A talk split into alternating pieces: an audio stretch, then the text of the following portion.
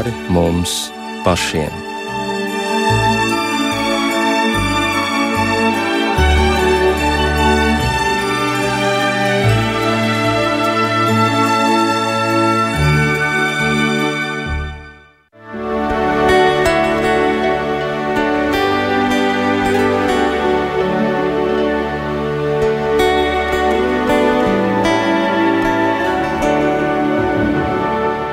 Labvakar, raidījumā pāri mums pašiem, lai top slavēts Jēzus Kristus. Studijā Inte Zēgnere, bet mūsu raidījuma viesis ir teologs un misionārs no Beļģijas Žozefs Bastēns.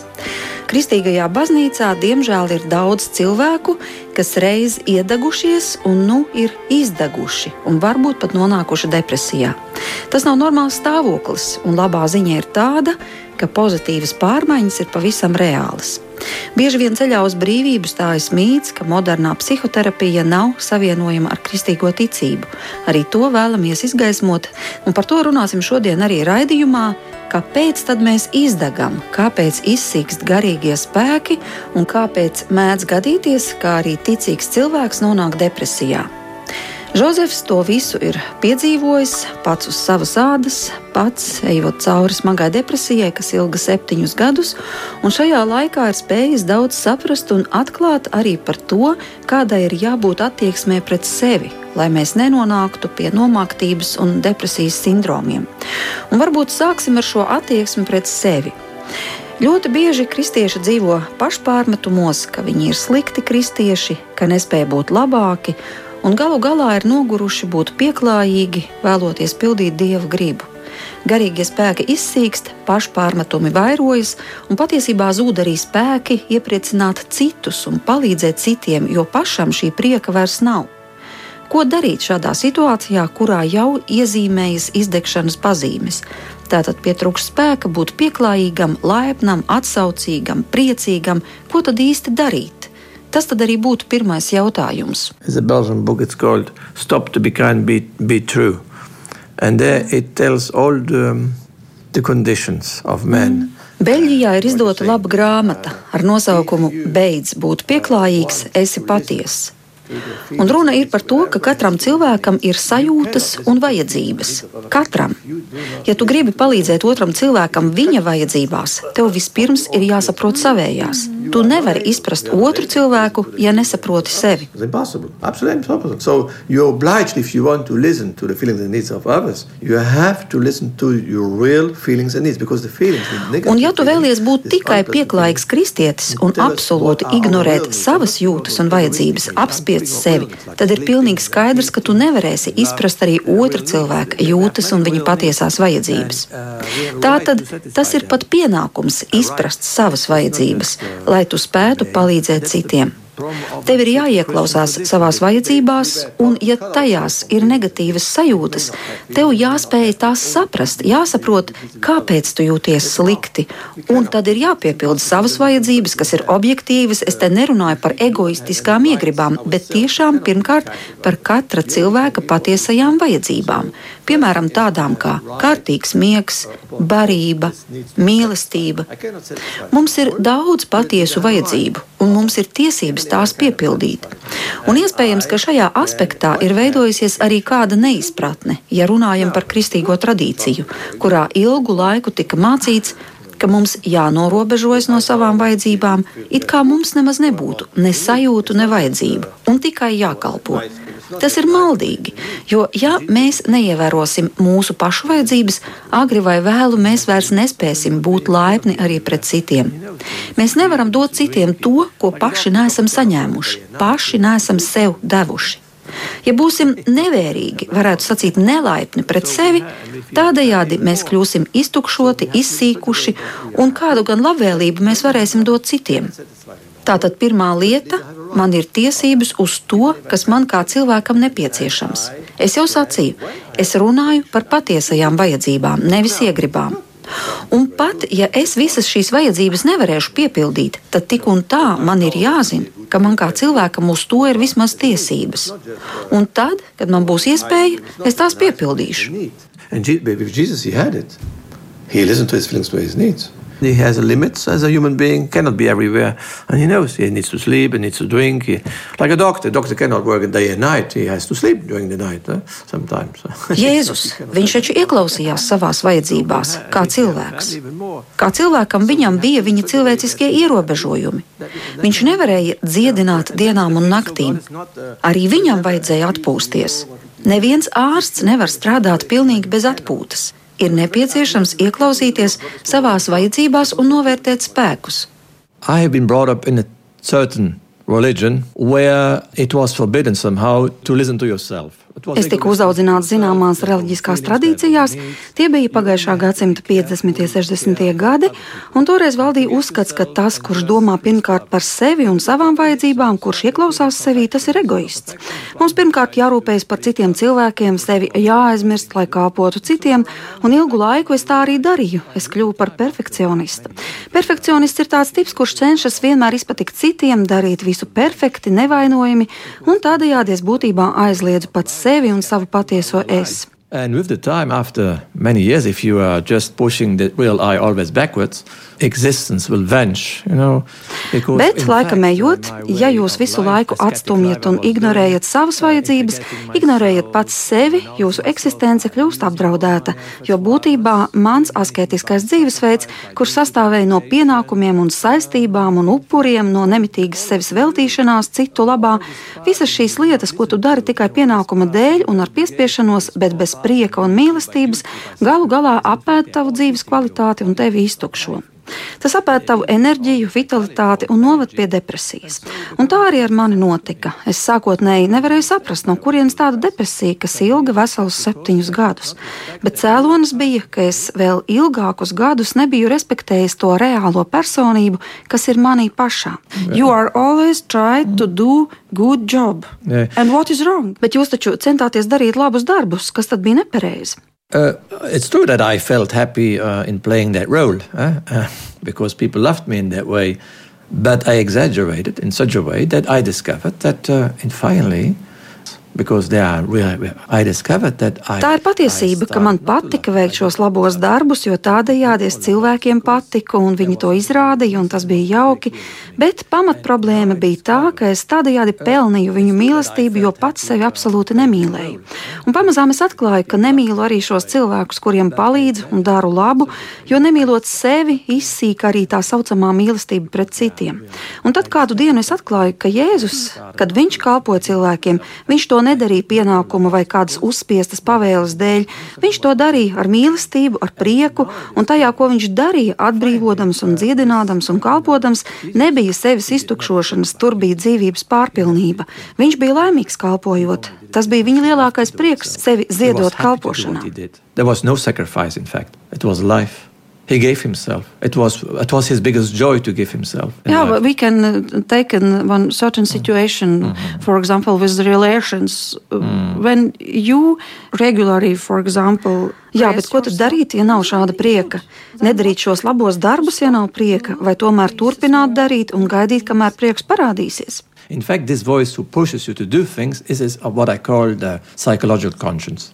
The ideological conscience, or the over I, in psychology you would call it. It means this is this cassette in you, you, you received by your parents or by others. You know, this cassette you have to listen to and gives guilt feelings. It's not the Būtībā šī iekšējā balss, kas it kā piespiež jums darīt labas lietas, kaut arī sakostiem zobiem, tā ir tā saucamā psiholoģiskā sirdsapziņa vai ideoloģiskā sirdsapziņa vai tā saucamā virskontrole. Un šī balss, kas jums diktē, tev jādara, tev jārīkojas, ja tu nedarīsi, tu būsi slikts.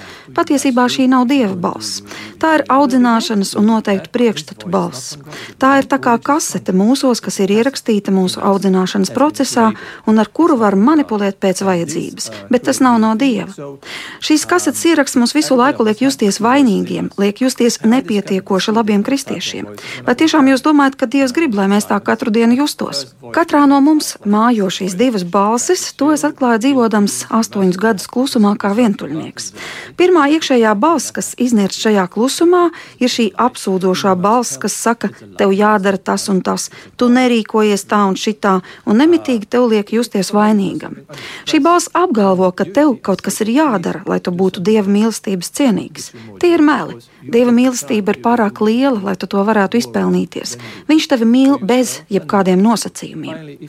Tāpat arī prasība. Tev jākalpo, tev jāpalīdz, tas ir aicinājums, tas nav spiediens, un tā ir liela atšķirība.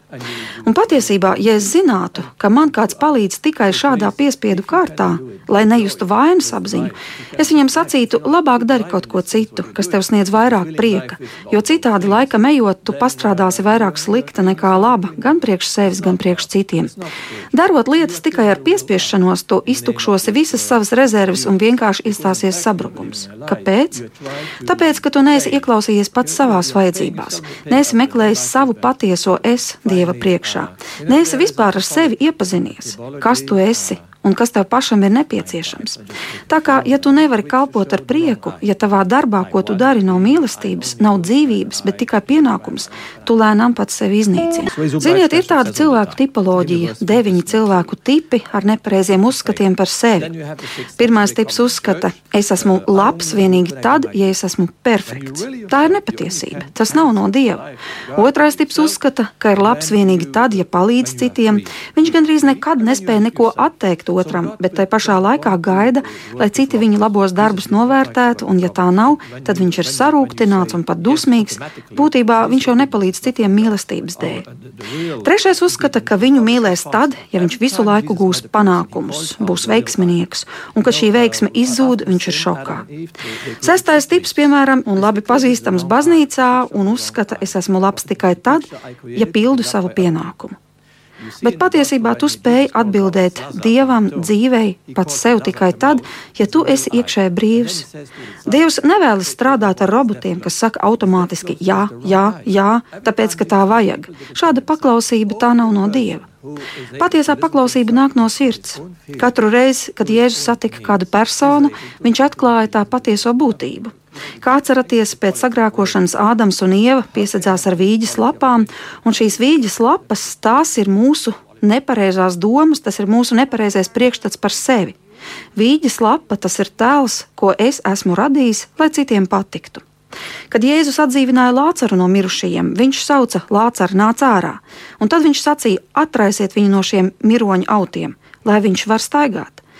Šīs miroņa drēbes tie ir mūsu nepareizie priekšstati pašiem par sevi, kas mums neļauj izjust dzīvi tās visā krāsainībā un visā pilnībā.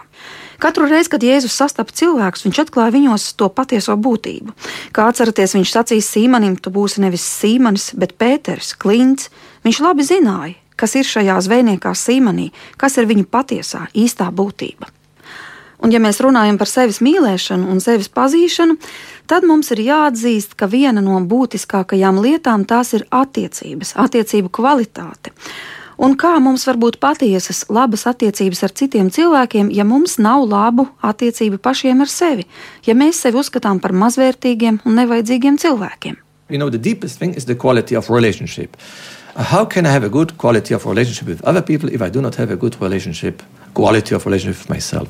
Okay, when we are uh, listening you and mm. uh, I know you many years, I see that you are really are happy and what are you saying that is true. But in the same time, it was not always so with your life. Kad mēs jau šobrīd klausāmies un es pazīstu jūs daudzus gadus, es zinu, ka jūs patiešām esat vienmēr prieka pilns un tā nav kaut kāda izlikšanās, bet tā ir patiesība un tomēr bija periods jūsu dzīvē, kas bija citādāks. Piemēram, kad jūs dzīvojāt Austrālijā un centāties būt perfekts dieva karavīrs, askets. Vai jūs varat pastāstīt par to laiku, kas tad īsti toreiz notika? Well, you know, in fact, what happened is this: when I was uh, 12, 14 years old, I lost, I lost my mother, and then uh, um, I had a very bad uh, uh relationship in school. Uh, and my father didn't understand. He beat me up, and so uh, finally I understood. You know, advised me, I will prove to them what I can do. So And that thing, I became a perfectionist. So I started to work on myself very hardly, but not in the right way. But I, as I understood it, so I started to exploit all, exploit all my talents. So to study, to learn hard and be very, become very ascetic. Patiesībā tad būtu jāsāk ar mazliet agrāku laiku, kad man bija 12 gadi. Tad nomira mana māte. Bet pēc tam man sākās skolā ļoti sliktas attiecības gan ar skolotājiem, gan arī ar skolniekiem. Es biju tā kā izstumtais, un arī tēvs mani nesaprata. Un tad es nolēmu kaut ko mainīt savā dzīvē. Es izcīnīju ļoti nežēlīgu cīņu ar sevi. Es uzskatīju, ka, lai kļūtu par labu kristieti, man ir jābūt nesamierinamam pret sevi. No visa ir jāatsakās un nevar sev neko atļauties, visu jādod citiem, ir jāmācās, jāstudē, un visu laiku es sevi spiedu, sevi pilnveidot, kaut ko darīt, darīt, darīt. Es nolēmu būt asketisks, es gribēju patikt dievam, un es domāju, ka tas viņam patīk. Tomēr pēc kāda laika es ievēroju, ka es esmu kļuvis ciets. Es jums apgalvoju, ka man bija ļoti grūti darīt labu sev pašam. Tā vietā, lai kļūtu taisnīgāks, priecīgāks, tā vietā es kļuvu drūms. Es neizjūtu pietiekami lielu mīlestību arī uz Dievu, un tai pašā laikā es nesajūtu mīlestības pieplūdumu arī pret citiem cilvēkiem. Piemēram, tad, kad es dzīvoju Austrālijā, es uzaicināju pie sevis cilvēkus, bet tomēr parasti es viņiem neko nepiedāvāju. Es sacīju, nauda, ko es esmu nopelnījis, tā man ir jādod nabagiem un trūkumcietējiem. Es uzskatīju, ja pārāk daudz atdošu saviem viesiem, tad apzakšu šos nabagus. Jā, vēl pēc Austrālijas es devos uz Āziju, uz visnabadzīgākajām valstīm, Indiju un Indonēziju. Es dzīvoju tur tāpat kā viņi, Pavisam kļuvu tievs, izkāmēju, kamēr sapratu, ka laikam neizturēšu tādu dzīvi, un atkal es kritu pašpārmetumos par to, ka es nespēju dzīvot tā kā viņi. Un tad, kad jau biju tādā diezgan stipri depresīvā stāvoklī, tad es atradu šos vārdus Bībelē no Zīraha gudrības grāmatas. Kas pats pret sevi ir slikts, pret ko gan tas būs labs? Ar visu naudīgumu nebūs tam prieka. Nav ļaunvēlīgāk par to, kas nenovidīgs pats pret sevi. Atkarībā no tā, kas tev ir, dari labu pašam sev, dēls, bet kungam ziedot cienīgus upurus. Nelaupi, kas pienākas pašam no labām dienām, tava daļa no ilgošanās pēc labā, lai nepaiet garām. Šī rakstu vieta man ļoti pārsteidza, jo tā neatbilda tiem priekšstatiem, ko es tik cītīgi biju būvējis. Un tad jūsu dzīvē sākās izmaiņas, bet arī tās taču nenotika automātiski, ka pēkšņi vienā dienā viss mainītos. Kā jūs atradāt šo īsto ceļu, ko darīt, lai atrastu savu patieso būtību? I went to the Arch of Giovanni. You know, there's a community of handicaps, and these handicaps they cannot live with a person who creates himself a picture. So I thought I showed myself perfect, like I was used to. You know, I have been working in a hotel. In a hotel, you, you can show perfect to those people who are coming. You're smiling, always perfect. You avoid uh, anger, always polite. And but handicaps, they feel you. Sākotnēji pašā smagajā depresijas stāvoklī es kādu laiku dzīvoju un strādāju ar garīgi slimiem cilvēkiem Žāna Vaņie kopienā. Un šie garīgi slimie cilvēki izrādījās ir dažās sfērās gudrāki par veselajiem, jo viņi ļoti labi jūt, vai tu pietēlo, vai tu esi radījis sev imidžu, vai arī tu esi patiesa. Es biju pieredzējis vienmēr rādīt sabiedrībai šo pieklājīgo masku, vienmēr apslāpēt dusmas, vienmēr būt perfekts, un viņi mani ātri atšifrēja. Viņiem ir it kā tādas speciālas iekšējas antenas, un viņi jūt, vai tu esi patiesa vai nē. Un viņi grib zināt tikai vienu, vai tu patiešām viņus mīli, vai tikai izliecies, ka viņiem kalpo. Un bija kāds slimnieks šajā kopienā, kas pie manis pienāca un vaicāja, Jozef, vai tu mani mīli? Jā, es atbildēju, protams, ka mīlu, kaut gan tas nebija pārliecinoši. Un tad viņš man sacīja, ja tev ir tik liela galva un tik maza sirds, tevī vienmēr būs iekšējs karš. Bet, ja tava sirds būs lielāka par tavu galvu, būs miers. Un kāds cits man sacīja, tieši tad, kad es biju visvairāk aizņemts un kad es biju gandrīz tik ļoti skrejošs, kāds es biju gandrīz vienmēr, jo jūs jau zināt, ka svarīgiem cilvēkiem vienmēr nav laika, tad šis cilvēks pienāca man klāt un sacīja: Jozef, vai tev būtu kāds laiks priekš manis? Brīvs laiks priekš viņa? Es negribēju zaudēt savu laiku tagad, sēžot ar viņu kopā un neko nedarot, man tas nozīmē laika pazaudēšanu. Mana iekšējā sen ierakstītā noteikumu kasete man ziņoja: nekad veltīgi nezaudē laiku. Bet šis slimnieks sacīja, vai tu vari pasēdēt ar mani kopā un sniedz man savu roku. Man tas bija ļoti, ļoti grūti. Tā vienkārši sēdēt kopā ar viņu. Tas šķita pilnīgi bezjēdzīgi. Bet šī kopā pavadītā laika stunda tā man ļoti daudz ko deva. Es atklāju pilnīgi kaut ko jaunu, līdz šim nezināmu. Es atklāju, ka mīlestības ritms ir ļoti lēns, ka tas ir ārkārtīgi lēns. Un ka visu laiku skrienot un uztraucoties, es nemaz to nebiju pazinis. Es secināju, ka bez apstāšanās biju skrējis garām pašām svarīgākajām dzīves norisēm, kas notiek manā sirdī. Man šādās lietās nebija laika ieklausīties, es biju sevi apzadzis šajā svarīgākajā skrējienā. Īstās mīlestības, dzīves, gara ritms ir lēns un ļoti dabisks. Tas ir tāds kā plaukst puķis, tas ir tāds, kā kokiem uzplaukst lapas, kā uztīkst zāle. Tas nenotiek vienā dienā automātiski, samāksloti. Īstās mīlestības ritms ir lēns. Tajā pašā laikā mēs esam ielikti ļoti ātrā laika mašīnā, kas mums liek nemitīgi steigties, steigties gandrīz bez apstājas. That, you know, Jā, tā ir mūsu rietumu sabiedrība, kas ir gatava upurēt dzīves patieso jēgu dinamisku pseido pienākumu vārdā. I think 70% of Latvian inhabitants have yeah. to sacrifice they, yeah. their real yeah. needs. Yeah. Un tomēr es domāju, ka arī Latvijā liela cilvēku daļa tā dzīvo akūta laika trūkuma dēļ vai arī savu laiku upurējot. That's, that's our death, you know, that's the reason that our West... Jā, un tas ir viens no iemesliem, kāpēc mūsu rietumu kultūrā ir tik izteiktas šīs nāves kultūras pazīmes. Tālāk, reizes Tiberijādā es satiku jaunu vīrieti, Tiberijādas kopienā, kur es dzīvoju. Viņš atnāca pie manis un paziņoja, ka vēlas darīt sev galu. Es vaicāju, kāpēc, un viņš teica, man ir viss - nauda, mašīna, drēbes, māja. Es gribu sevi iznīcināt, es dzēru, es lietoju narkotikas, bet tad jau tas ir pašnāvības veids, es iebildu. Jā, viņš sacīja. Un es nesen devos pie sava tēva, un tā arī viņam pateicu. Es viņam tā arī pateicu. Tu nekad neesi mani mīlējis. Es nekad neesmu bijis tev svarīgs. Es neesmu tavās acīs nekas nozīmīgs. Kā tu tā vari runāt? Viņš bija sašutis. Kā tad es tevi neesmu mīlējis? Es tev esmu sagādājis visu, kas tev trūkst. Tev ir pat vairāk nekā citiem. Kā tu uzdrošinās tā runāt? Jā, šis jaunais cilvēks sacīja, bet tev nekad nav bijis laika priekš manis. Kad es biju mazs, tev nekad nebija laika būt ar mani kopā, spēlēt spēles, kopā sēdēt, kaut vai parunāties.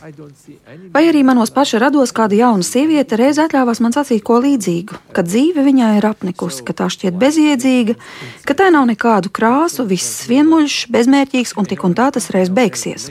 Un arī viņa nebija nekāda neveiksminiece. Viņai bija viss - māja, mašīna, ģimene, labs darbs, 25 gadi tikai, un tomēr liels iekšējs tukšums, ko nekas nespēja piepildīt. Nekas nesniedz šo dzīves garšu. Ir kāda sieviete, kuras vārds ir Etija Hilversuma. Šai sievietei arī bija ļoti haotisks dzīvesveids, varētu sacīt, bezjēdzīga dzīve, bet reiz viņa satika psihologu Juliusu Pīlu, un tas pilnībā izmainīja viņas dzīvi. Jo šis cilvēks pirmkārt mīlēja viņu ar patiesu mīlestību, bet arī pieprasīja no viņas, lai viņa strādātu pati ar sevi. Ko tas nozīmēja? Pirmkārt, tas nozīmē ieklausīties sevī, ieklausīties dzīvē, kas ir viņā un viņai apkārt, un saprast, kādas izjūtas viņā šāda dzīve provocē. Un pats nozīmīgākais ieklausīties sevi un savās izjūtās, iepazīt sevi. Un šādā veidā viņa atklāja ceļu pie dieva.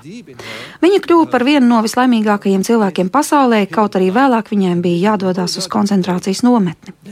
Trīs gadus Etija Hilversuma strādāja ar sevi, savas izjūtas viņa pierakstīja dienas grāmatā, jo tas bija svarīgi viņai formulēt vārdos to, ko tu sevī atklāji, un tādējādi iepazīt sevi. Viņa atrada šo ikvienā cilvēkā apslēpto aku, ja tā var sacīt, kur mājo īstā dzīvība. Dažkārt šī mūsu dzīvības saka ir pilnīgi aizbērta ar gružiem, ar pārdzīvojumiem, ar sarūktinājumiem. Gadās, ka cilvēks nomirst aiz slāpēm, sēdēdams pats pie savas aizbērtās akas, kurā mīt šī iekšējā dzīvība, kurā mājo pats Dievs. Un tas ir tik ļoti būtiski mūsdienu cilvēkam atklāt šo apslēpto aku un atrast, ka ir iespējama nevis maza, rūpju nomākta, bet gan liela un skaista un prieka pilna dzīve. Jā, bet mums nav laika šai lielajai dzīvē, jo mums ir pārāk daudz pienākumu. Bet tajā pašā laikā psihoterapeiti atzīst, ka tieši depresija ir visizplatītākā slimība Rietumē Eiropā, no kuras cilvēki mirst vēl daudz vairāk nekā no sirds asinsvadu slimībām pressure creates depression. Depression is a, is a healthy reaction, in fact, is the, is, is the direction of the body, of, the, of our psychology. The, the body, Jā, tāpēc, ka spiediens rada pretspiedienu, to mēs arī redzam šajos vārdos - pression and depression, tā ir organisma reakcija pret vardarbīgu un paviršu izturēšanos. Kas ir mūsu dzīves svarīgākie avoti? Tas ir gars, dzīvība un mīlestība. Mēs esam miesīgas būtnes, psiholoģiskas būtnes, bet arī garīgas būtnes, un dziļākais ir šī garīgā dimensija. How you began to find the life, mm. this spirit and this love, what was lost during your mm. time, during your, yeah. these 20 years, yeah. what you lived, yeah. how you found this way back, what you mm. did. Kā jūs sākāt pats atpazīt patieso dzīvi? Kā jūs atradāt šo ceļu atpakaļ pie Dieva, pie sevis paša? Well, first I, I was with these handicaps. They, they, they helped me to accept my own handicaps, you know, because I was a perfectionist. Pirmkārt, kā jau sacījis, bija kopā ar šiem garīgi slimajiem cilvēkiem, kas palīdzēja man pašam sevi pieņemt tādu, kāds es esmu, nevis veidot maskas. Tātad pirmais padoms būtu pieņemt sevi tādu, kāds tu esi? Noteikti. Mums ir jāredz mūsu ēnas, mēs nedrīkstam tās noliegt, apslēpt, censties atbrīvoties no tām, pirms esam tās pieņēmuši un akceptējuši, ka tāda nu mēs reiz esam. Bet sabiedrība ir citādāk veidota. Mēs rādām sabiedrībai mūsu saulēnās puses un nevaram ciest sevī to, kas mums pašiem nepatīk. Kā lai to akceptē? Lieta tāda, ka visu laiku mēs cenšamies pret apkārtējiem pagriezties no izdevīgās puses, lai tiem patiktu. Un no apkārtējiem mēs slēpjam to, kas mums pašiem sevī nepatīk, to, kas nav kārtībā. Mēs kautrējamies, mēs kaunamies no šīs savas sejas, no šī cilvēka, kuram nav vajadzīgo īpašību. Bet tieši šim cilvēkam ir vajadzīga visa mūsu vieta, tāpēc ka tieši tas arī ir Jēzus. Jo ja mēs šo nelaimīgo sevī apslēpto cilvēku neatzīstam, tad kā gan mēs varam atzīt Jēzu? Jo Jēzus pirmkārt bija ar nabadzīgajiem, atstumtajiem, ar tiem, kurus neviens negribēja. Un savukārt, ja es ļauju citiem mīlēt sevi nabago, kas ir manī, tad notiek brīnums. Bet kā sākās šis jūsu dziedināšanas process? Ko jūs darījāt? Vairākas dienas es mēģināju sev piedot. Pirmā diena bija pateicības diena Dievam par visu manu dzīvi. Tad otrā diena bija atdošanas diena visiem cilvēkiem, sākot no pašas bērnības, kas bija mani apvainojuši, sāpinājuši. Trešajā dienā tā bija vilšanos atdošanas diena. Tas nozīmē piedot visas tās vilšanās, visas tās sāpes, ko es esmu pārdzīvojis, visas tās sekas, kas bija radušās manā dzīvē no šiem pārdzīvojumiem. Ceturtā diena tā bija diena, kad es piedevu pats sev. Diena, kad es pieņēmu sevi tādu, kāds es esmu bet tas patiesībā sakot, nav cilvēku spēkos, tam ir vajadzīga īpaša dieva žēlstība. Ienāca Jēzu, atnāca pats, lai man piedotu, tā es sacīju. Un tad es kā šo nelaimīgo sevi atklāju dievam un nodevu viņa rokās, lai viņš mani ārstē, lai viņš mani pilnveido, lai viņš ir tas, kas piedod man, manas nepilnības. Es pats lūdzu sev atdošanu. Es teicu, piedod man, Jozef, par to, ka es esmu bijis tāds pret sevi pašu, ka es neesmu sevi mīlējis. Piedod man, mana dvēsele, ka es esmu bijis tik cietsirdīgs pret tevi. Tas bija ļoti svarīgi manai personiskai izdziedināšanai. Un pats svarīgākais bija nesajust vilšanos no tā, kādu es sevi redzu patiesībā. Nekad nedrīkst vilties sevī izjust šo izmisumu sevī, to mums Dievs nemaz neļauj. Viņš nekad mūsos neviļas. Viņā mēs esam brīnišķīgi. To var salīdzināt ar mātes mīlestību pret bērnu. Viņai bērns vienmēr būs brīnišķīgs, pat ja viņš uz ielas būs iekritis smirdošā peļķē un no galvas līdz kājām nosmērējies. Tad, kad viņš atnāks mājās, māte tam neteiks: Tu man tāds netīrs vairāk neesi vajadzīgs. Viņa zina, cik brīnišķīgs ir šis cilvēks zem šīs netīrumu kārtas. Viņa ieliks to vannā, viņa to nomazgās tīri no šiem netīrumiem. Un Dievs mūs redz tieši šādā veidā, šādā mīlestības gaismā. Viņš mūs jau tagad redz tādus, kādi mēs būsim kādreiz mūžībā. Cik ilgs laiks jums bija nepieciešams, lai piedotu sev un spētu sev pieņemt? Man bija nepieciešams viens mēnesis, tikai mēnesis. Jā, regulāri katru dienu es sāku rītu ar šo atdošanu sev. Un kas ir būtiski, šī atdošana, tāpat kā dieva vārds, ir jāpasludina skaļi lai tavs ķermenis un tavs psiholoģiskais cilvēks un tava būtība tos sadzird un pieņem. Tiešām es skaļā balsī paziņoju, ka atsakos no visiem greizajiem priekšstatiem, kas manī tika iepotēti no bērnības, ka es esmu slikts, ka es esmu nevērtīgs, ka es neko nespēju, ka es esmu vērtīgs tikai tad, kad daru labus darbus. Es skaļi atteicos no visiem šiem meliem, no visām šīm nepareizajām kasetēm, kas gadiem bija ierakstītas manā galvā, un pasludināju Dieva brīvību par savu dzīvi. Es pats sev skaļi skaļi pasludināja Dieva vārdu un Dieva priekšstatus par sevi kā par viņa bērnu. Es pats sev skaļi sacīju, ka es esmu vērtība Dieva acīs, ka Viņš mani mīl ar nebeidzamu mīlestību un nekad nepārstās mīlēt, un ka es esmu viņa iemīļotais dēls. Un tā ir patiesība. Tā ir Dieva īstā attieksme pret ikvienu cilvēku, kuru Viņš ir radījis. Kādus padomus jūs vēl mums varētu dot šajā sakarā?